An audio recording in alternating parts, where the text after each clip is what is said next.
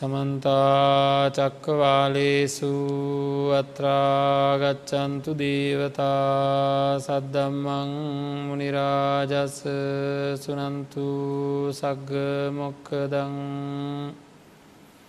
දම්ම සවනකාලු අයං භදන්තා දම්ම සවනකාලු අයං භදන්තා ධම්මස්සවන කාලු අයං පදන්තා සාධූ සාධූ සාධූ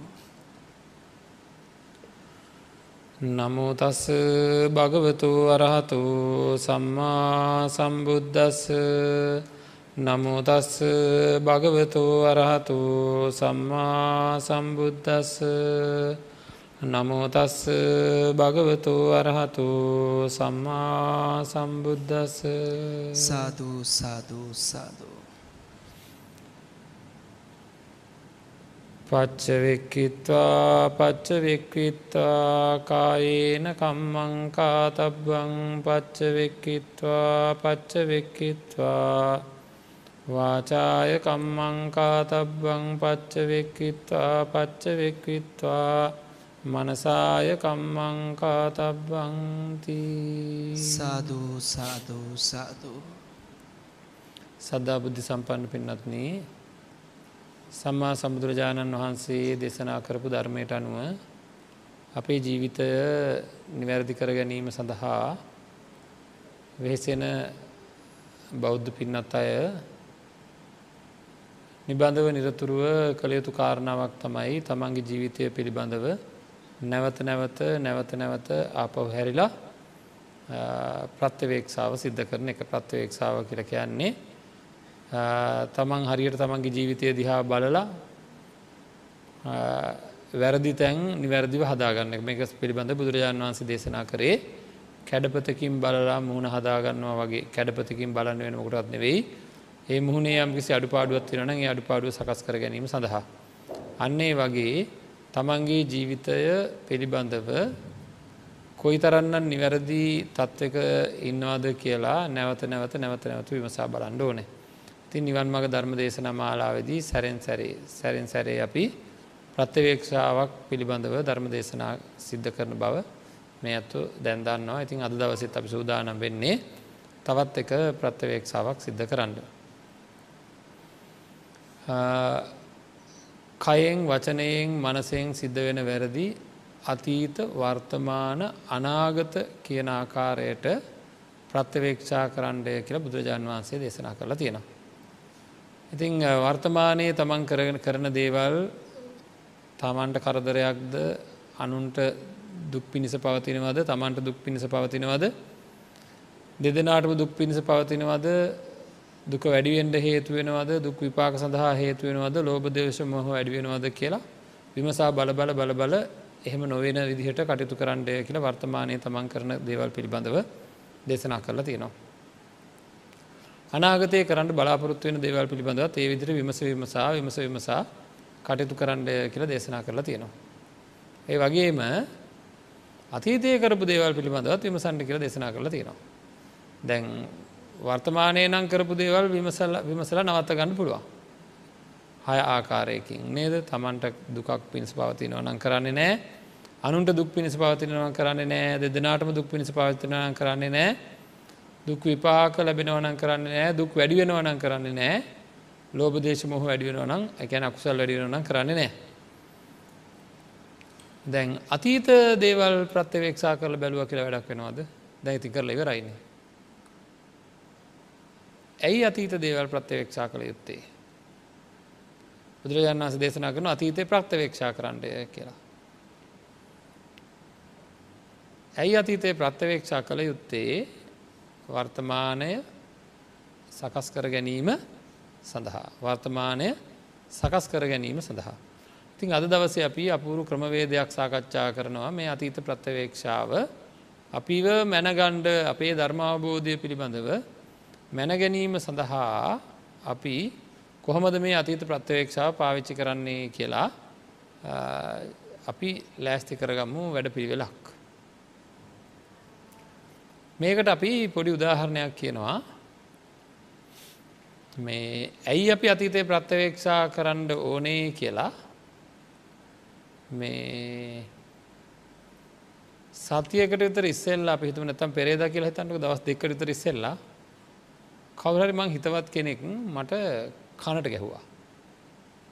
කියලා හිතන්නක. හොඳට රිදෙන්න්නම කනපුරා පාරක් හම්බුණා. හරි. දැන්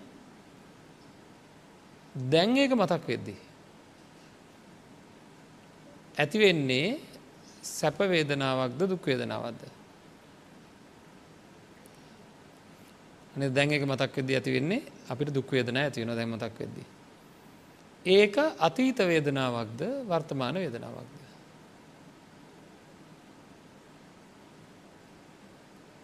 දැන් මතක් වෙන එක. දැන් මතක් වෙනකොට ඇති වෙන දුක් වේදනාව අතීතද වර්තමානද. ඒක වර්තමාන වේදනාවක්. කනේද නෑ. සිතේ. නේද? හරි. දැන් ඔය අපිට කවුරරි ප්‍රහාරයක් එල්ල කරාට පස්සේ ඒක මතක් වෙනකට අපිට ගොඩක් දුක හිතෙනවා කියන්නක. තරහ යනවා නැත්තා. දැන් කවුරු හරි කෙනෙක් ඇවිල්ල අපිට මේක පිළිබඳව සාධාරණය සාධාරණ ආකාරයකට හිතන විදිහ කියනවා. ඔය තරාගයා මොහොම තමයි ඔව අයිතින් එතරම් ගණන් ගන්න දෙයක් නෑ ඒක ඒ වෙලා පාලනය කරගන්න බැරිවීමක් ඒ වනාට හොඳ කෙනෙක්නේ අරේ මේ කියල හොම ගොඩාක් කියනවා. අන්න ඒවා කිව්වට පස්සේ අපේ సంతානයේ ඒ සිද්ධිය මතක් වෙද්දී ඇතිවෙන වර්තමානය ඇතිවෙන වේදනාව අඩුවෙනවාද වැඩි වෙනවාද. ඒ විදිර කිවොත් ඔන වර්තමානය අරක මතක් වෙද්‍ය ඇතිවෙන වේදනාව අඩුවෙනවා. හරි අපි හිතමකො දැම් මේ කණට ගහපෙක්කෙනම ඇවිල්ලා අපිත් එක්ක සපෙන් සමාවාරගෙන යාලු වෙලා ආය කවදක්වත් එහෙම කරන්න නෑ කියල සම්පූර්ණ වැඩ පිළිවෙලක් ගියා. දැන් වර්තමාන ඒ සිද්ධිය මතක්කදි වර්තන වර්තමානයේ අතීතයේ ඒ සිද්ධිය මතක්කදි වර්තමානය ඇතිවෙන වේදනාව නැති වෙනවා. නේද එතකට දැඟක ප්‍රශ්නයන් නෑ. හොඳයි ඒ වගේම අතීතයේදී ඒ සිද්ධ වෙච්ච දේ ඊට පස්සෙ මොකද කරන්නේ කවුරුහරි කෙනෙක් මට එහෙමත් ගහනවාද එහෙම එහෙම ගහන්ඩවාට ගහන්ට තරම් කවුදයා ඔය විදිහට මේ ටිකක් නේද එහෙම කරන්න දෙන්න බෑ මේ තව ගහලා මේ මට මටත් ඇවිල්ල එක එකව කිව්ව කියගේ වන්න ඒ වගේ දේවල් කිවොත් එහෙම අර වේදනාව මොකද වෙන්නේ වැඩි වෙනවා. එනම් අතීතය යම් සිද්ධියක් සිද්ධ වුණාට පස්සේ. අපිට එන මානසික වේදනාව ඊට පස්සේ ඒක ගැන අපි මෙනෙහි කරන විදිහ අනුව වෙනස් වෙනවද නැද්ද. නේද මෙනෙහි කරන විදිහ අනුව වෙනස් වෙනවා. හොඳර තේරුවත් මං කියන එක අපි ගැනමයි අපිට අපි මේ කතා කරන්නේ. එහෙනම් අපි යම් විදිහකින් පින්නත්න ධර්මය තුළින් අපි වැටෙන්නේ ලෝකයේ තියෙන දේවල් ලෝකයේ සිද්ධ වෙන සිද්ධි පිළිබඳව ධර්මය තුළින් වැටෙන්නේ සැපටද දුකටද උපේක්ෂාවටද. අපි හැම්වෙලේ වැටෙන්නේ උපේක්ෂාවට. නේද? එතකොට ඕනම දෙයක් තුළ ඒකට ඇලෙන්න්නෙත් නැතිව ගැටෙන්න්නෙත් නැතුව මුලාවෙන්නෙත් නැති තත්වට අපි පත්වෙන්ට ඕනෑ. මේක සම්පූර්ණ වසයම සිද්ධ වෙනවා යම් කිසි කෙනෙකුට අනිත්‍ය දුක්ක අනාත්ම ලක්ෂණ යම් කිසි විදිහකින් කෙනෙක්ගේ කෙනෙකුට ඒ සිද්ධීන් පිළිබඳ අනිත්‍ය දුක්ක අනාත්ම ලක්ෂණ මනසෙන් ප්‍රකට වෙලා එනවනං තේරෙනවනං අපේ හිතු උපේක්ෂාවට වැටෙනවා. දැම් බලන්ඩ කවුරරි කෙනෙක් මට ගහපික කියලා හිතන්ඩ ඒක ගැනම මෙන්න මෙහෙම මෙහි කරනවා. මේක මගේ මුහුණට එයාගේ අතින් වැදිච්ච පහරක්. නේද? ඒ වෙලාවේ ඒ තැනැත්තාගේ සන්තානයේ නැගිච්ච හැඟීම එයාට එයාටවත් පාලනය කරන්න පුළුවන්කමක් ඇත්තන හේතු නිසා සකස් වෙච්ච එක. එයාගේ තුළ යම් තරහක් තිබුණා නං ඒ තරහ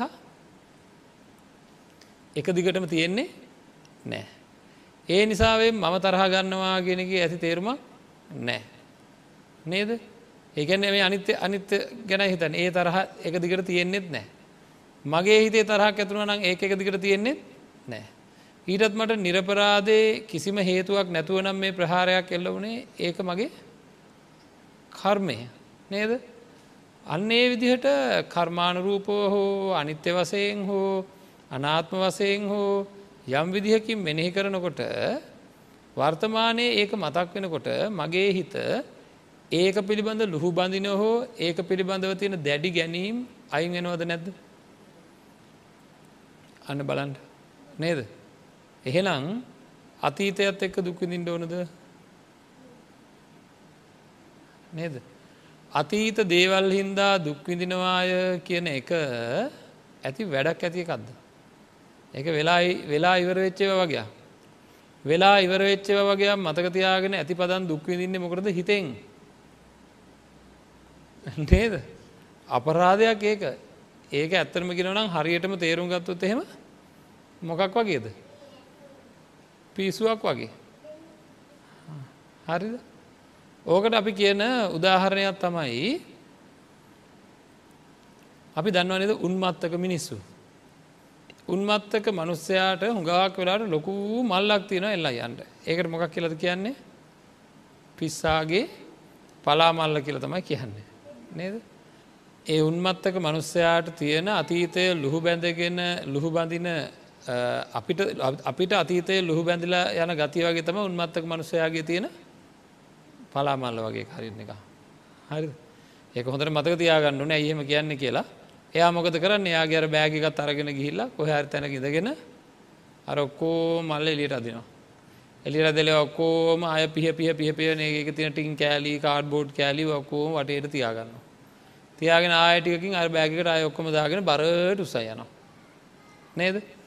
ආංගේ වගේ තමයි අපිත් මොකද කරන්න? කොහරි තැනක නිදහසේ ඉඳ ගන්නවා. ඉඳගෙන මොකද කරන්න මල්ල දිගාර ගන්නවා දෙගාරගෙන අරක වුණා මේක වුණා එදා මෙහෙම වුණා එදා මෙහෙම කිව්වා අහවලා මෙහෙම කිව්වා ඔය විදිහට ගොඩ මෙනෙහි කරන්න පටන් ගන්න. මෙනෙහි කරන්න කරන්න කරන්න කරන්න අර ඒවා එන්ඩෙන්ඩ එන්ඩෙන්ඩ වැඩිවෙන ආකාරයට තමයි මෙනෙහි කරන්න. නේද? ඉතින් අතීතය අපේ හිතේ නැගිලා ඇවිල්ලා අන්න ඒ විදිහට කරදරකාරී විදිහට මේ වර්තමාන වේදනා සකස් කරනවා. තින් අතීතයේ ඒ සිද්ධිය සිද්ධ වෙච්ච වෙලාවෙදං අද මේ මොහොත දක්වා මගේ සිතුවිලි. භාවිතා කරලා මංගේ සිද්ධිය වර්තමානයට දුකක් විදිහට එන්නේ නැති විදිහට සකස් කර ගණ්ඩ ඕන. හරිද. වර්තමානයේ දුක් විදිහට එන්න ඇතිවෙන්ට සකස් කරනවා විතරක් නෙවේ වර්තමානයේ සැපක් විදිහට එන්න ඇතිවෙන්ට සකස් කරගන්න ඕන ඇයි. සැපක් විදිහට අවත්මකද වෙන්නේ. අපේ අර සිද්ධිය කොච්චරනං සැපද කියලා නේද මතක් වීමත් එක්කම ඇතිවෙන්නේ මොකක්ද. මං කාරණාවක් මතක් කරන්නද. අතීතයේ තිබ්බා වූ සැපක් වර්තමානයේ මතක් වෙනකොට ඇතිවෙන්නේ සතුටත්ද දුකක් දොයකිවට. අතීතයේ තිබ්බ සැපක් වර්තමානයේ මතක් වෙනකොට ඇතිවෙන්නේ මොකක් දොයකිවට දුකක් ඇතිවෙන්නේ ඇයි දැන් ඒක නෑනේ නේද එතකොට අතීතයේදී තිබ දුකක් වර්තමානය මතක් වෙනට ඇතිවෙන්නෙත් මොකක්ද දුකක්මයි. නේද? එහෙනම් මේ දෙකම වෙන්න නැතිවෙන්ඩ අපේ හිත අනිත්‍ය දුක් අනාත්ම ලක්ෂණයන් මෙනෙහි කරලා සකස් කර ගණ්ඩ ඕන. තේරෙනවාද? අන්න ඒ අතරමැද කොටස රිජුවම ඒ සිද්ධිය නැවත නැවත නැවත නැවත අපිව රිදවන ස්වභාවය තන්හා ඇතිවන ස්වභාව තන්හා ඇති වුණොත් තන්හා ඇතිවුණොත් එකමංක ඒ පිළිබඳ ලෝභයක් ඇතිවුණොත් තන්හා ජායති සෝකෝ තන්හා ජායති බයම් නද වර්තමානයේ තන්හාාවක් ඇතුුණොත් අතීතයේ සිද්ධ වෙච්ච දෙයක් ගැන මෙතනම ආය සෝකෝපදිනවා. තොට සම්පූර්ණ වැඩේ තියෙන්නේ කොහෙද. අන්න හරි අපේ අපේ සන්තානගත වැඩ පිළිවෙලයි සම්පූර්ණයෙන්ම හදන්ඩ ඕනති බුදුරජාණන් වන්සගේ ධර්ම ඒකටයි. ඒක කාටුවක්වත් දොස් කිය කියන්න එකක් නෙවෙයි. අතීතය මතක්කනට මට තරහ යනවනම්. ඒක කාගෙ වැරද්දද. කවුරර කෙනෙක් මට බැන්න ඇද මගේ අතීතයේ සිද්ධ එතකට බැන්න හිද මට අදරත් මතක්කනට තරහයනවා. තරහයනකොට මම හිතන්නේ මට තරහයන කවුරු හින්දද. අහවලාගේ නරක වැඩ හින්දා. අහවලාගේ නරක වැඩ හින්දා මට සැනසිල්ලේ ඉන්ට නෑ අහවලාගේ නරක වැඩ හින්දා මට තරහ යනවා අහවලා තමයි මට තරහ උපද්ද වන කෙනා මෙයා හින්දමට නිදහස නෑ සමහරය කියනවා අහවල් අය හින්ද මට නිදහසක් නෑ කියනවා. හරි ඔක්කෝම කොහේ වැරද්දද කියලා දැන් තේරෙන්ඩ ඕනෑ. නේද. සම්පූර්ණයෙන් අපි පශ්චත්තාප සහිතව වේදනා සහිතව දුක් සහිතව අතීතය ගැන මට මෙනෙහි වෙන්නේ නම්. මම ඒ අතීතයට හුඟාක් අය අතීතයට සාප කරනවා. තමන්ට ලැබිච්ච ජීවිතයට පින්නත්න මේ ලැබිච්ච මනුස්ස ජීවිතයට හුඟාක් අය සාප කරනවා. සාප කරනවා කියලා කියන්නේ ඒක මට නේද කියල මගේ අතීතය කියලා ඒක කාටත් කරන්න වෙලා තියෙන්නේ ඇයිඒ. ලැබිච් ඔක්කෝම දේවල්. නිත්‍ය ධනිත්‍යද. අනිත්‍යයි අනිත්‍ය දේවල් ලැබුණ නම් ඉතින් ඒව වෙනස් වෙනවා. ආදරයක් ලැබුණ නම් වෙනස් වෙනවා. කරුණාවක් ලැබුණ නම් වෙනස් වෙනවා. නේද සමහර වෙලාවට දන්නව නති මං කියන්නඩු නෑන මේ ලෝකයේ පොරොන්දු සමහර දේවල් වෙනස් වෙන හැටියට පින්නත්න අපිට මං අහන මේ අත්තන්ගේ මේ අත්දැකම නැති එක්කෙනෙකින්නද කියන් බලන්න. මට නං විශ්වාස කරන්න බෑ මේ වෙනස. ඔන්න ඕක දැනුනේ නැති එක්කෙනෙ කරින්නවා මට නම් විශ්වාස කරන්න බෑ මේ වෙනස. නද? හිටිය හැටියට නේද? කියපු හැටියට කරපු හැටියට ක්‍රියාවන් වලින් වචනවලින් එක කාලෙකදී මට එද සමහරට ඒ දේශපාලක්ඥය ගැනවෙන්ට පුළුවන් සමහර විට ස්වාමයා භාරයාව ගැනවෙන්ට පුළුවන් ආදරය කරන කෙනෙක් ගැනවෙන්ට පුළුවන් දරුවක් ගැනවෙන්ට පුළුවන්. නේද? මේ දරුවා හිටිය හැටියට නේද? නැත්තං ඉඩමක් කඩමක් ගැනවෙන්ට පුළුවන් ඕනම දෙයක් ගැන තමන්ගේ ජීවිතය තමන්ගේ ශරීරය ගැනවෙන්ට පුළුවන්. නද? මොනවාහරි දෙයක් ගැන තිබ්බ හැටියට හිටිය හැටියට මෙහෙම වෙයි කියලමං කවදාකවත් හිතුවෙ නෑ මට නං විශ්වාස කරන්න බැරි තරමටම පුදුමයි විස්මිතයි මේ වෙනස කියලා හිතිච්ච නැති කෙනෙක් කොහෙහරි හොයාගන්න පුළුවන් බෑ. අන්න ඒ තත්ත්වයේ තියෙන ඇත්ත සත්වය තමන්ගේ මනසිං වැටහිලා ආවේ නැත්තං. එතනද ඇතිවෙන්නේ මහා සෝකයක් මහා ගින්නක් ඇතුලාන්ත මහා දැවිලි තැවිලි සහිත අපහසු ජීවිතයක් ඉට පස්සේ. වෙනස් කරන්න බැරි අතීතයක් නිසා තනියම දුක් විදිනවා. අතීතයට ගියාට කමන්නේ අතීතයේ සිද්ධිය වෙනස් කරලා එන්න පුළුවන්න. අතීතයේ සිද්ධිය වෙනස් කරන්න බෑ නමුත් ඒ සිද්ධිය ගැන මම දකින විදිහ වෙනස් කිරීමෙන් ඒ සිද්ධිය නිසා ඇතිවන්න වූ දුක් නැති කරන්න පුළුවන්කම තියෙනවා. මොකද කියන්න. අනිවාරෙන් එහෙමද නැද්ද. එනම් නිකාම් බොරුවට නිකාම් බොරුවට පිච්චි පිච්චි ඉන්නගේ තේරුමක්ම නෑ තේරුමක්ම නෑ අපි ඒක දැඩ්ඩිව කල්පනා කරන්න ඕනෑ. අසත්පුරුස මිනිස්සු සමහර දේවල් කරා මං ඒවට විඳවන්නේ නෑ මට මගේ බුදුරජාණන් වහන්සේ ඉන්නවා. මට මේ ධර්මය තියෙනවා නේද මට මහා සංගරත්නය ඒ පිහිට ආරක්ෂාව තියෙනවා සරණ තියෙනවා. ඉතින් එහෙම නං මට මගේ මනස සකස් කරගන්න විදිහ අතීතය ලුහු බැඳ ඇවිල්ලා හරියට දුක් ඇතිවෙන මගේ මනස සකස් කරගන්න විදිහ මට දැනගණ්ඩ පුළුවන් කාලයක් මේක. ඉතින් ඒක හින්දා මම මේවාට දුක්විඳීමේ අවශ්‍යතාවයක් ඇත්තේම නෑ. මම්බරුවට දුක්වින්දා කියලා වැඩ නෑ. මූනේ නද කම්බුලේ අත තියාගෙන කම්බුල් දෙකේ මත තියාගෙන අහස පොළොව ගැටලන්ඩවාගේ කල්පනා කරනවා පින්නද මේ ලෝකයේ ඉපදිච්ච මිනිස්සු බහුතරයා. නේද දන්නවන කල්පනා කරන විතරන්නේ කල්පනා කරලා තියෙන එකම විසඳුමමකක්ද. ඉතුරු වෙලා තියන්ටිකවත් භාරගන්නවා කියල බලනවා. නේද. ඉතුරු වෙලා තියන්ටික හුඟක් වෙලාවට හරි කටුකයි. හරි රෞද්‍රයි. ඉතුරු වෙලා තියෙන විදිහට භාරගන්නවා කියලා හිත හදාගන්නඩ හැදුවට ඒටික භාරගණ්ඩ ගිහාම මොකද වෙන්න අපිතුම දරුවෙක් කියලා දරුවේ ගොඩාක් වෙනස් වනා කියන්න යම්කිසි කාලෙකදී අයිතින් අම්ම කෙනෙක් හිතන කමන්නෑ ඔහ ඉතින් ඔය නේද මොනව කරන්න ඉස්සර වගේ නැතුනාට කමක් නෑ මම ඉවසගෙන මම හිත හදාගෙන ජීවත් වෙනවා කියලා කිව්වට පෑරෙනවාමද නැද්ද. ඇයි ඒ හැම වෙලේම සංසන්ධනය වෙනවා. අතීතයේ තිබ්බ හැටිත් එක්ක වර්තමානයේ නැවත නැවත නැවත අපිතුම ආදරයක් කියලා ගොඩා කාදරයෙන් හිටපු කෙනෙක් ඉතාම තද වෙනස්වීමවලට භාජනය වෙන වෙලාවකට. ආන්ගේ වෙච්ච වෙලාවක කමක් නෑ මං ඉතින් ඔහේ ඉන්න කමන්නෑ මං ගහක් ගලක් වගේ ඉන්නවා කියලා හිතහදාගෙන ඉන්ඩ හැදුවට හැම්ම වෙලේම ඇනෙනවද නැද්ද හැම්වෙලේම ඇනෙන්ට පටන් කරනවා. ඒකහින්ද මේ ලෝකයේ අනිත්‍ය ස්වභාවයක් එක්ක පින්වද සන්තෝසයෙන් හිටිය කෙනෙක් නෑ. අනිත්‍ය ස්වභාවය නිත්‍ය වසයෙන් යමේ ගත්තද සන්තෝසයෙන් හිටිය කෙනෙක් නෑ. ගන්නව කියලා කියන්නේ ඒක තේරුම් ගත්තේ නැතිකම. ඉතින් ඒකද බුදුරජාණන් වහන්සේගේ ධර්මය. අතීතයේ රාගයෙන් පිච්චිච්ච දැවිච්ච මිනිස්සු අසුභයාදී විදර්ශනාවන් වඩලා තමන්ගේ මනසට රාගය නිසා දැවිලි පිච්චිලි ඇතිවෙන්න නැතිවෙන්ඩ. මේ ලෝකයේ කිසියම්ම කිසිීම වස්තුවක්. මේ ලෝකයේ තියෙන කිසියම්ම කිසි කෙනෙක් හින්දා. කිසියම්ම කිසි වස්තුවක් තමන්ට රාගය උපදින්නේ නැති තත්වයට තමන්ගේ මනසය සකස් කරගත්තොත්. මතක් කරන කිසිම දෙයක් රාගයට උපනිශ්‍රය වෙන වස්තුවක් නෙවෙයි. මනස සකස් කරගෙන. මතක් වෙන මතක් වෙන දේ සුභ වසයෙන් නෙවේ අසුභ වසයෙන් දැන විදිට මනස් සකස් කරගත්තොත් අය මේ ලෝකේ රාගයෙන් අරමුණු කරන්න දෙයක් නැතු යනවා. එදාට එයාගේ අතීත රාගය හින්දා වර්තමානයේ නැගෙන ගින්න අහෝසයනවා. අතීතයෙන් එන ගිනී එන්ඩ දෙන්නේ නැතුව හිත ආවරණය කර ගණ්ඩෝ නෑ. හරි ඒකට අනිත්‍ය අනිත්‍ය වසයෙන් මෙනෙහි කිරීම් දුක් වසයෙන් මෙනෙහි කිරීම් අනාත්ම වසයෙන් මෙනෙහි කිරීම් අසුභ වසයෙන් මෙනෙහි කිරීම් ආදීනව වසයෙන් මෙනෙහි කිරීම් අපි දන්න සිල්ප ක්‍රම ඔක්කෝම පාවිච්චි කරන්නු නන්නේ වගේ ප්‍රායෝගික වැඩ පිළිවෙලකටයි දැන්ට ගොඩා ධර්මය හල යමක් ඉගෙනගෙන තියෙනවන ඉගෙනගෙන තියෙන්නේ කාටවත් ධර්මය කියල දෙන්න විතරක් නෙවෙයි.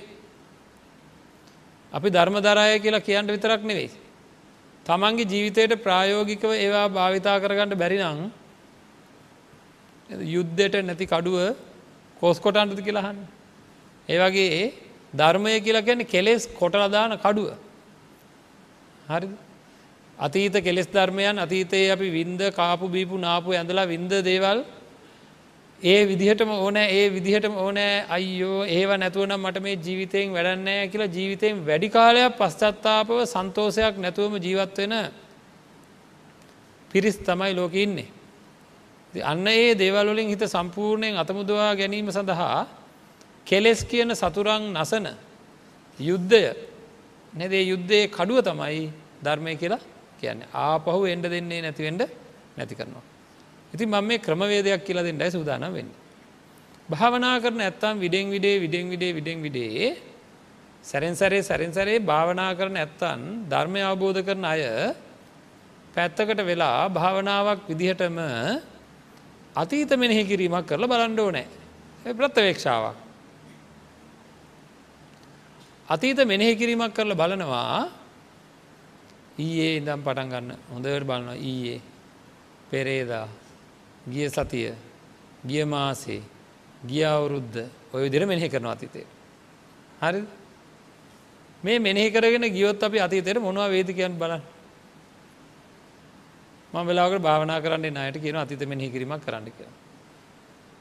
සමහරයගෙන හාමුදුරුවනේ වහලා තියෙන අතීතය මොකද ඔය කරන්නේ. මේක පාරන්නේ ඇයි මේ කවුස්සන්නේ ඇයි. ඇතට ඔන්න ඇනේද. ඕනද නැද්ද. කවුරයි මයි කම්බුලට ගැහුවනේ මන්දගේ අමත කරලා තියෙන්නේ. මටගෙන හාමුදුරුවනි ඕක මතක් කරන්නන යන්නේ ගෙ දැන් මතක් කරපම ආයමොකද වෙන්නේ ආයරි දෙන්න ආයරි දෙන්න පටන් ගන්නවා. මම ඒක මෙනෙහි කරන්න කියන්නේ ඒකට නෙවෙයි. හරි. අතීතයේ යම් තැනක රිදිල මං ඒක දැන් වහලා තියෙන එක ඒක බලය ඒක ඒක නැගින කියන ගතිය දැන් අඩු වෙලා අමතක වෙලා. ඒ වගේම සිද්ධියක් අනාගතය සිද්ධවෙන්න පුළුවන්ද බැයිද. එහෙමනොත් මොනව වේද. අම්මාගේ මරණය මතක් වෙන මතක් වෙන වාරයක් ගානේ දරුණු වේදන ඇතිවෙලා දැන් එක අපෝ වෙලා තියෙන දැන් එක යට යටපත් වෙලා ටික ටික. දැන් ඔය අතීත මෙනෙහි කිරීම කරන්න ගියාම එදා මම අඬපු හැටි එදා වෙච්ච හැටි අම්මා මැරුණ හැටි අන්තිමට කිව්ව වචනේ ඔය කොහොම මතක් වෙලා මොකද වෙන්නේ? ආය සංවේගයට පත් වෙනවා. හොඳයි. ඒක මෙනෙහි කළ යුත්තේ ඇයි? එවැනි සිද්ධියකදී මම තාම සංවේගයට මහා දුකකට පත්වෙනවා එහෙනම් මට වගකීමක් තියෙනවද නැද්ද ඊළඟ ප්‍රහාරයට සූදානම් වෙන්න මොකක් දීළඟ ප්‍රහාරය තාත්තාගේ මරණය නේද කීසරයක් දුක්විඳිනද කල්පනාව.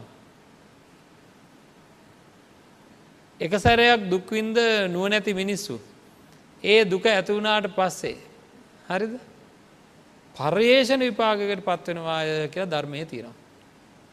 පර්යේෂණ විපාගය කියන සමහරුන්ට ඇතිවන විපාගය සම්මෝහ විපාකයක් කියලා කියනවා. සම්මෝහ විපාගය කියන මොකක්වත් නෙවෙයි වැලපි වැලපි දැවි දැවී පිච්චි පිච්චි කළු කලේ ඔළුව ගහ ගනිමින් තමන්ගේ සියලු කටයුතු විනාස කරගන්නගෙන දුකෙන් දුකට පත්වෙන සමහරය. ඒක ගැනම හිතලා හිතලා හිතලා හිතලා. ඒක ගැන ධර්මානුකූලෝ මෙනෙහි කරලා නැවතේ වැනි දුකක් ඇතිවෙන්නේම නැති විදිහට හිත සකස් කරගන්න එකට කියන පර්යේෂණ විපාකයක් කියලා. එතකොට අපි අතීත මෙනෙහි කිරීමක් කරනවා. අතීත මෙනෙහි කරනකොට අපි මේ වෙනකොට ධර්ම දරනම් එක ධර්මය අපේ ජීවිතයට එකතු වෙලානා. අර අතීත මෙනෙහි කිරීම හිද මට රිදෙන්ට විදිහත් පුළුවන්ද මංකිව නැර කම්බුල් පාර ගැන අපිට මගදී එක එක්කෙන කියපු විදිහ අනුව වේදනා අඩු වැඩවීමක් වුණා එන මගේ වගකීම තමයි ඒ කම්බුල් ප්‍රහාරය මතක් වෙනකොට මාත්‍රීය රිදීමක් නැතිවෙන විදිහට අපේ මනස සකස් කරගන්න ඕනෑ ඒක මතක් වෙනකොට මාත්‍රීය රිදීමක් එන්නේ නැති විදිහට අපේ මනස පිරික්ෂ පිරික්ෂා පිරික්ෂ පිරික්ෂා විදර්ශනා කර කර විදර්ශනා කර කර සකස් කරගන්නුව. ඒකෙන් ලැබෙන ලාබේමකක්ද. එකක් ඒක මතක් වනක දැන් රිදෙන් නැතු යනවා දැන්කොමත් ඒක මතක් වන රිදෙන් නැතු තිබ කියනක දැක මතක වෙලා තිබ කියන්නක නමුත් මෙනෙහි කරලා හරි මතක් කරගෙන නැවත දුකක් ඇතිවෙන් නැති විදිරම ඉක්මට හදාගන්නවා. ඒක හදා ගැනීමේ තියෙන ලාභය තමයි අද හැන්දෑවෙත් මට කම්බුල් ප්‍රහාරයක් ලැබුණොත් කනරි දෙන එක විතරයි. අද හැන්දෑවෙත් මට ආයසරයක් කම්බුලට ප්‍රහාරයක් ලැබුණු මොකද වෙන්නේ කනරි දෙන එක විතරයි ඒක චුට්ටකින් අඩුවෙලායනවා. ආය හිතරිදීමක් එන්නේ නෑ. හැබැයි අර යටපත් වෙලා මතක් වෙන්නේ නැතුව දැන් මංක චෝදනාවත්තිනක ලොව මතක් කරන්න එපා මේ කියලා. ඒ විදියට වහගෙන හිටියොත් වහගෙන හිටිය කියන්නකෝ. අතීතේ ඇත්වෙලා නැතිවෙලා ගිය දේ වහගෙන හිටිය ගැන්නේ අමතක කරලා දාලා හිටිය මොනහරියකින් යටපත් කරගෙන හිටිය ඇතින් දැන් වේදන එන අඩුයි. හැබැයි ආය කම්බුල් පාරකාවතේ වගේ කෙනෙකුට ආය වියසන කාරී තත්වකට පත්වන කාලයක් යනකම් විඳවන්ඩෙන ආයසරය නේද? එහෙනම් අපි මොකද කරන්න ඕනෑ? අතීතය අරගෙන මෙනෙහි කර කර මෙනෙහි කර කර මෙනෙහි කර කර මොකද කරන්න ඕන?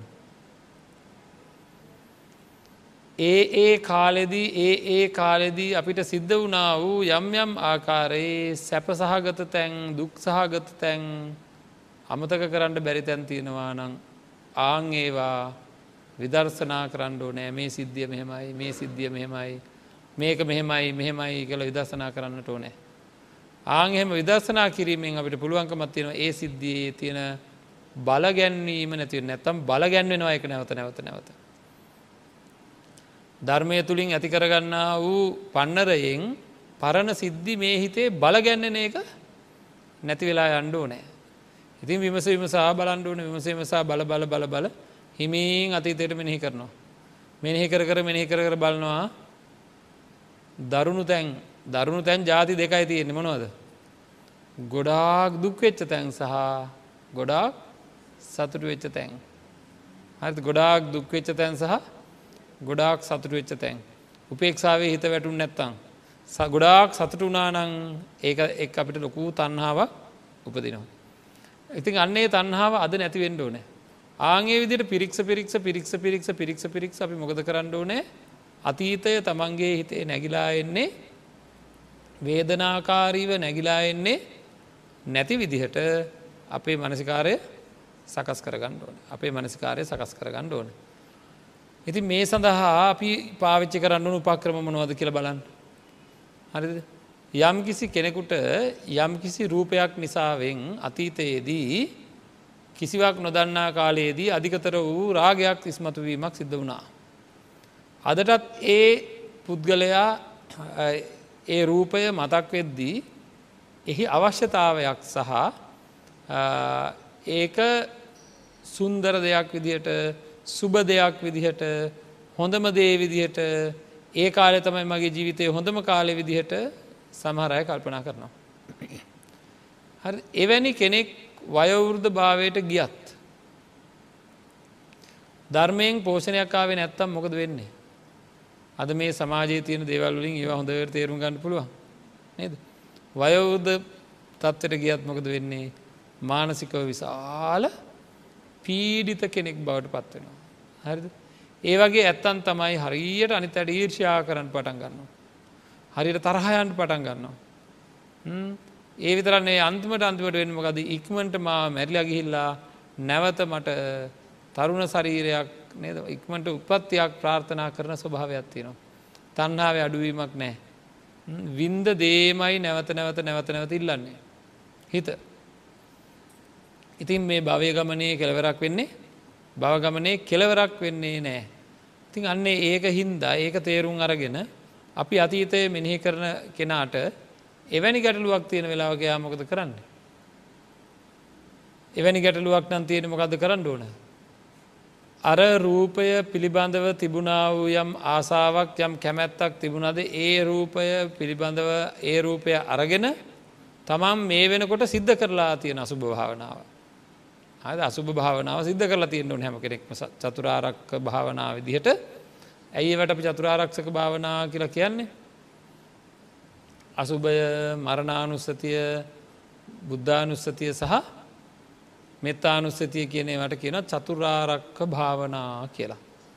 හද ඇයි ඒවට කියන්නේ අපි එහෙම අතීතයෙන් එන වර්තමානය විතරන්නේ අතීතයෙන් එන දරුණු බලගැන්වීම් මෙන්න මේ ආරක්ෂකය හතර දෙනා එන්ඩ දෙන්නේ නෑ. තරහාගිය කෙනාට අතීතයේ හරියට තරහාගිය සිද්ධයක් සිද්ධ වුණා නම් අන්න දැම්මොකද කරන්න මෛත්‍රී භාවනාව අඩපු කෙනාට අන්න එක එන්ට දෙන්නේ නෑ. ඒක මෙහාට එන්ඩ එන්නේ නෑ. මෙහාට එන්න නෑ දැම් මෛත්‍රයක් ඇති වෙන්නේ. අතීතයේදී අධිකතර වූ රාගයක් ඇති වෙලා ඒක වර්තමානයට නැගි නැගියන එක නේද අසු භාවනාව වර්ධනය කරලා තියෙන කෙනාට අසුභය ඒ රූපයට යෙදීමෙන් මොකද වෙන්නේ ඉක්මනට ඒ හිත ආරක්ෂා වෙන ඒ අතීතය ලුහු බැඳ බැඳ මෙහට එන්නේ නෑ. එතකොට අතීතයේ ගොඩාක් තද ආසාාවකින් බැදිල තිබ දේවල් දැන් වෙනස් වෙලා නම් මරණානුස්සතිය වඩපු කෙනාට අපේ ඉතින් තිබ්බ කියලා තිතින් මැරණයේදී ඔක්කොම ඉවර වෙනවානේ කිය නේද මරණානුසතිය හොඳට වඩන කෙනාට නිත්‍ය හැඟීමෙන් ඇතිවෙන පීඩනය සම්පූර්ණයෙන් නැති වෙලා යනවා. මව්ගේ පියාගේ මරණයේදී පවා මරණානුස්සතිය වඩලා තියෙන කෙනාට තියෙන ලාභයමකක්ද. කම්පනයක් නෑ ඒ මරණයා දැකලා තියෙන. ඒව තේරුම් අරන් තියන්නේ. හරියටම තේරුම් අරන් තියෙනවා නං එතෙන්දි කම්පනයක් පීඩාවක් ඇතිවෙන්නේ නෑ ඒක තමයි කියලා එක තේරෙන ඒක වුණා එච්චරයි ඒක වෙනවා කියල මන්දන්න. බලාපොරොත්තු කැඩෙනකොට නැති දෙන්නේ නේද බලාපොරත්තු කැටනකොට දෙන්න මං හැමදාම කියන කාරණාව පොඩ්ඩ මතක් කරන්න. බණ ඉවර වෙලා යනකොට අපේ ළඟම කෙනෙක් මැරුණා කියලා ළඟින්ම ඉන්න කෙනෙක් මැරුණා කියෙන පණවිඩ එන්ට පුළුවන්ද බයිද. එන්ඩ පුළුවන් එන්ඩ පුළුවන් නේද එන්ඩ පුළුවන් කියන වචන කියන ඕන්නද. එයට හිතේ තියෙන්නෙම කක්ද. නෑ එහෙම වෙන්න නෑ කියන බලාපොරොත්තුව තියෙනවා. හද බලාපොරොත්තුව තියෙන්නේ එක වෙන්න නෑ කියලා කියනවා වෙන්න පුළුවන් කියලා. ආ මරණ නුස්සතය වඩන කෙනට ඒ දෙකම එකක් වෙනවා. හරි එයාට බලාපොරොත්තුවක් නෑ. ඒ මොකද මරණය නැවත නැවත සීකිරීම නිසා බලාපොරොත්තු ඇතිවෙන්නේ නැති තත්වට පත් වෙලා හිත. එතකොට මාත්‍රිය දුකක් ඇතිවෙන්නේ නෑ දැනගෙන ජීවත් වෙනවා දැනගෙන ජීවත් වෙනවා. අන්න එහෙම අතීතයේදී සිද්ධ වෙච්ච දේවල් නිත්‍ය වසයෙන් වර්තමානය දක්වා අරගෙනෙන්ට බලාපොරොත්තු වෙන අයටත් වෙනස් වෙනස් උනහින්දා දුක්සහගත තත්ත්වයන් නැතිවෙච්චායටත් අනිත්‍ය භාවනාව හෝ මරණානුස්සතිය හෝ වඩනායට ඒවා අපහෝ වෙන්නේ නැති වෙන. ඉතින් අපි ඔය විදිහට එකඒක එකක භාවනා ක්‍රම ඉගෙනගත්ත භාවනා ක්‍රම භාවිතා කරගෙන මේ හිත අතීතයට මෙනෙහි කරලා ඇනි අතීතයට මෙනෙහි කරන්න පුරුදු කරන්න ඕනද. නේද? පුරුදු කරන්න දෙයන්නෑ මෙයාගේ වැඩේ මොකක්ද වැඩේම ඕකම තමයි. අතීතයට මෙනෙහි කරපුම එක තමයි වැඩේ. ඉති වෙනද මෙනෙහි කරේ කොහොමද? ඇලෙමින් ගැටෙමින් මුලාවෙමින් නේද? වෙනදා මෙනෙහි කරේ ඇලෙමින් ගැටෙමින් මුලාවෙමින් දැන් කොහොමද මෙනෙහි කරන්නේ? ඇලෙන්නෙත් නැතුව ගැටෙන්නෙත් නැතුව මුලාවෙන්නෙත් නැතුව මෙනෙහි කරගන්න පුළුවන් වෙන්ඩෝ නෑ විදර්ශනා හැඟීමකින්. එනද මොකද ප්‍රායෝගික කරන්න ඕනේ? පැත්තකටලා ඉඳගෙන මොකද කරන්න? තමන්ගේ අතීතය හොඳට මෙනෙහි කරනවා.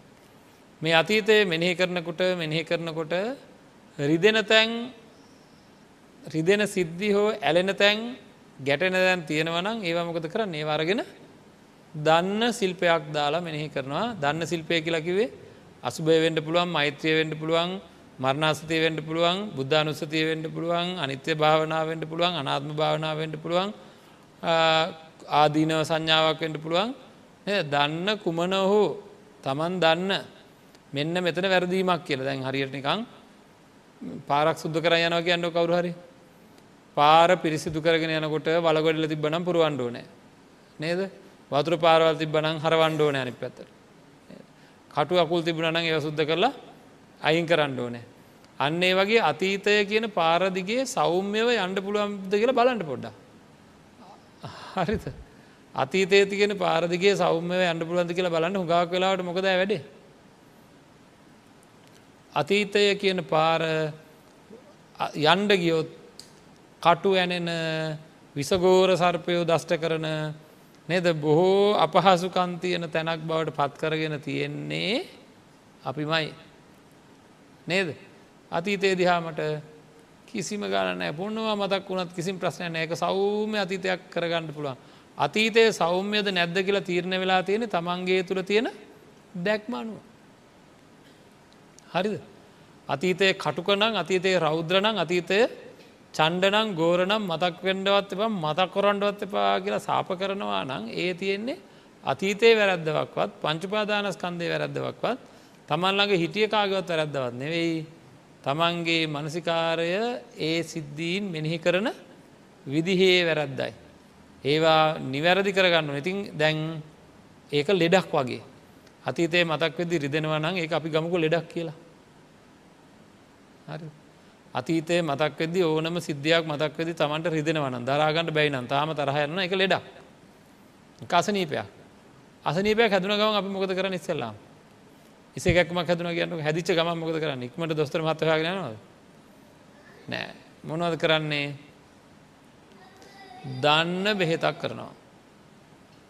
නේද? ගොඩ බෙහෙත කරනවා කියන්නේ ගොඩ බෙහෙතක් කියලගෙන තමන් දන්න දෙයක් කරනවා. තමන් දන්න පෙත්තක් හොයාගෙන බොනවා තමන් දන්න බාම එකක් හොයාගෙන ගානවා නේද? ඒව කරලා කළ බලනවා. තමන්ගේ කාට හරි එහම අනතුරක් වුණ හමත් එහෙමයි. අපි කියන්නේ මේක කරලා බලමු මේ කරලා බලමු කියලා. කරලා බලමු කරලා බලමු. එච්චර මන් දන්නේ. දන්න ටික කරලා බලනවා. දන්නේ නැත්තම් මොකද කරන්න ඕනේ? දන්නේ නැත්තම් නේද? රෝගයක් අපිට ඇති වෙන්න දැන් අපි බලන්න රෝගයක් ඇතිවුණ හම බෙහෙතක් කරගන්න අපි දන්නේ නැත්තං ගොඩ බෙහෙට්ටික කරට අඩුවක් නැත්තම් දොස්තර කෙනෙක් හොයාගෙන යනවා. කායික රෝගලට දොස්තර මහත්‍ය හොයන් යනවා වගේ මානසික රෝගොල්ට තමන්ට තනියම අතීතය විසඳගණ්ඩ බැරි නං කල්්‍යයාන මිත්‍රයෙක් ඔයාගෙන සාකච්ඡා කරලා මෙන්න මේ තැනේදී මට තාමත් මට තාමත් මේ අපහසුතාවය තියෙනවා. මට තාමත් මේ විඳවිල්ල තියෙනවා. මට තාමත් මේකින් ගැලවෙන්ඩ පුළුවන්කමක් ඇත්තේ නැහැ. ආංගේ විදිහට අපි මෙනෙහි කර කර මෙනෙහි කර කර මෙනෙහි කර කර නැවත නැවත සකස් කර ගණ්ඩෝ නෑ. හරිද ඒ ඒ විදිහට ඒක අපි ඔක්කගේ ඔක්කොටෝම තියෙන වගකීමක්. ම මේ ඇත්තන්ට මෙහෙම කියන්න. කවුරු හරි කෙනෙක් ලෑස්තිවුණොත් මේ වැඩේට තමන්ගේ අතීතය වර්තමානය පැත්තට පොඩි රිදිල්ලක්වත් එන්න නැතුව ඒ දේවල් නැවත ප්‍රාර්ථනා කරෙන්නේ නැති තත්ත්වකට කවුරුහරි කෙනෙක් ලෑස්ති වුණොත්. හරි කරන්න වැඩේ. හරිද මේ ඒ තැනැත්තාට තමන්ට තනියම මේක කරගන්නඩ බැරිවෙනකොට කල්්‍යයාන මිත්‍රය හමුණාව කල්්‍යයාන මිත්‍ර මොද කියල දෙන්න? ඕක කරන විදිමයි ඕක ගැන විද විද ඉන්ඩෝන මෙන්න මේ විදිරක ඕක විසඳ ගන්න පුළුවන් කියලා. මං අහනවා ඇත්තටම බෞද්ධ ධර්මය තුළ සම්පූර්ණයෙන් ඒක විසඳ ගන්න පුළුවන් ක්‍රමවේදය තියෙනවා. ධර්මය නැති කාලයකි පුදනුත් නේ අපි ධර්මය නැති කාලෙක ඉපදුනොත්න් ඔන්න අවස්ථාව නෑ. එදාට හිතේ ඇතිවෙන දුක් සහයගත තත්ත්වයන් නැතිකර ගැනීම සඳහා කරන්න දෙයක් නෑ. කරන විදිහත් දන්නේ නෑ. මං ඒක එහෙම කිව්වේ අද මේ වර්තමාන කාලය අපිට තියෙන වටිනාකම කොච්චරද්ද කියලා පැහැදිලි කරවන්න. හරිද. අද කවුරහරි ලෑස්තිවුණොත් ඔය වැඩේ කරන්න. තමන්ගේ තමන්ගේ හිතෙන් නැගෙන අතීත සෝක ගති අතීතය හින්දා ඇතිවෙන දුක් ඇතිවීම් සම්පූර්ණයෙන් නැති කරලා නිදහස් වෙන්ඩෝන මං අතීතයෙන් සම්පූර්ණය නිදහස් වෙන්ඩෝනෑ කියලා අතීත ආවර්ජනයක් කරන කෙනෙකුට අවශ්‍ය කරන සියලු දේ ඒක කරගන්න තියෙනවා මේ වෙනකට. හරි එහෙම නැත්තං නෑ. හරි එතකොට මේ කාලේ ඔය වැඩේ කරගත්තේ නැත්තං ආය කවදා හම්බේද කියන්න බෑ. ඒකද හුස්ම ඇද ඇද ඉන්ඩ එපා. හරි හුස්ම ඇද ඇද ඉන්ඩ එපා. අනුන්දිහාවට නේද අපේ අතීත ප්‍රාර්ථනාවල් තියාගෙන වර්තමානයේ නැවතේවා සකස් කරගන්න භෞතික ලෝකින් සකස් කරගන්නට දඟලන්ඩ එපා. බලපු දේවල්මයි දැක්ක දේවල්මයි අහපු දේවල්මයි විඳපු දේවල්මයි අපේ හිත අයා ඉල්ලන්නේ. තව එක සැරයක් දුන්නත් එච්චරම තමයි. එද ලස්සන රූපයක් හිද මන් සතුටුනානම් ඒ මගේ හිත ඒකම ඉල්ලනවා මගේ. ආය දුන්නත් එච්චර යා ඉල්ල නොයා. නේද. එතකොට මිහිරි මතකයන් කියනවා අහෝසි කළ දාන්න ඕනේ. ඒවා සැබෑවටම මිහිරි නැහැ. සැබෑවට මිහිරි නැත් යයි ඒවා වෙනස් වෙන හින්දා. වෙනස් වෙන දේවල් එක් ඒවා මිහිරිනම් ඔය විදිර හිතේ ඇනෙන්ට විදිහ නෑ නේද. ඒවා මිහිරිනම් සෞම්‍යනම් හිතේ ඇනෙන්ට විදිහක් නෑ. ඒවා ඇනිල තියෙන්නේ හොඳටම ඒවා වර්තමානය වෙනකට කටුක වෙලා. එහනම් ඒවා හිතෙන් අයින් කරගන්න වැඩ පිළිවෙල සකස් කරගන්නඩ නෑ ඒක සකස් කරගත්ත කෙනට කල්ලන කල්්‍යන මිත්‍ර ආශ්‍රය හොඳටම තියෙනවා. ධර්මය තියෙනවා මේ මේකයි වෙලාව. මනුස්සෙක් වෙලා ඉපදිච්ච වෙලාවේ ධර්මය තියෙන වෙලාවේ තමන්ගේ ජීවිතය ධර්මයෙන් පෝෂණය කරගණ්ඩ. මං ආරාධනා කරන්නේ හදාගණ්ඩ හිත කොහොමද ධර්මයෙන් පෝ තමන් පෝෂණය වෙලානගේ වෙන්ඩෝනෑ නැත්තන් තවතාව ඉක්මට වැඩේ කරගන්නඩ මොකද දෝංකාරය වගේ නැවත නැවත නැවත නැවත අතීතයේ මිහිරි දේවල් අමිහිරි දේවල් දෙකම අමිහිරි දේවල් දැන් මතක් වෙන කොටත් දුකයි මිහිරි දේවල් දැන් මතක් වෙන කොටත් දුකයි. මිහිරී කියා ගත්ත දේවල්. එනම් ඒ වගේ ඇතුළෙන් දුක්විද විද තනියම ජීවත් වෙන කෙනෙක් වෙන්ඩ එපා. දිග හුස්ම ඇද ඇද දදා ඉන්ඩ එපා. නද? පොඩ්ඩ ඇත්තන් තියෙන එකම විසඳුම් විදිර දකින්නමකක්ද කියර ඇදරදාන නේද? ඉතින් හොම ඔය විදිර ජීවත්වය ඉන්ට ලෑස්වෙන්ට එපා. එක විසඳ ගණ්ඩ තමන්ගේ ඇතුලාන්තය සුද්ධ කරගණ්ඩ ඕන. මෙන්න මේකට මේ පනිවිඩේ විතර මතකතියාගන මේක බුද්ධ ශාසනය කන බුදුරජාණන් වන්සගේ පනිවිඩේ අතීතය ලුහු බඳින්නේ නෑ. අනාගතය ප්‍රාර්ථනා කෙරෙන්නේ නෑ. හරිද? අතීතය ලුහු බැඳ යනවා අපේ හිත. ගිල් අනාගතය ප්‍රාර්ථනා කරන කොටයි තන්හාාවෙන් දෘෂ්ටියෙන් මාන්‍යයෙන් මේ දුක් ඇති වෙන්නේ. තියකින්ද අතීත ප්‍රත්‍යවේක්ෂාවක් කරලා අතීත ආවර්ජනයක් කරලා බලෙන් හරි ඇදල දාලා විසඳ ගණ්ඩ අය කවදාකවත් ඒ වහින්ද මාත්‍රිය දුකක් ඇති වෙන්නේ නැති විදිහට. හරි තමන්ගේ දැනුම මදිනං කල්්‍යයාන මිත්‍ර හොයාගෙන ඉක්මනට වැඩේ කරගන්න ඕන. ඉක්මට රෝගය සුව කරගන්න ඕන.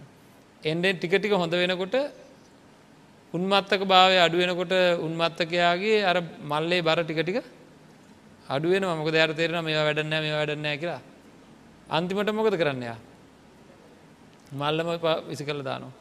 ඒ වගේ ඇතුලාන්තයට අතීතය නැගිලා එන්න නැති විදියට සකස් කරගෙන මේ ජීවිතය සකස් කරගෙන සසර සූපත් කරගෙන මමත් උතුම් නිවනින් සැනසෙන කෙනෙක් බවට පත්වෙනවා කියෙන අධිෂ්ඨානය ප්‍රාර්ථනාව ඇති කරගන්න. ආකා සට්ටාච බුම්මට්ටා දේවානාගා මහිද්දිකා පුඤ්ඥන්තන් අනුමෝදිත්වා චිරංරක්කං තුසාසනං චිරංරක්කං තු දේශනං චිරංරක්කං තුමං පරංතිී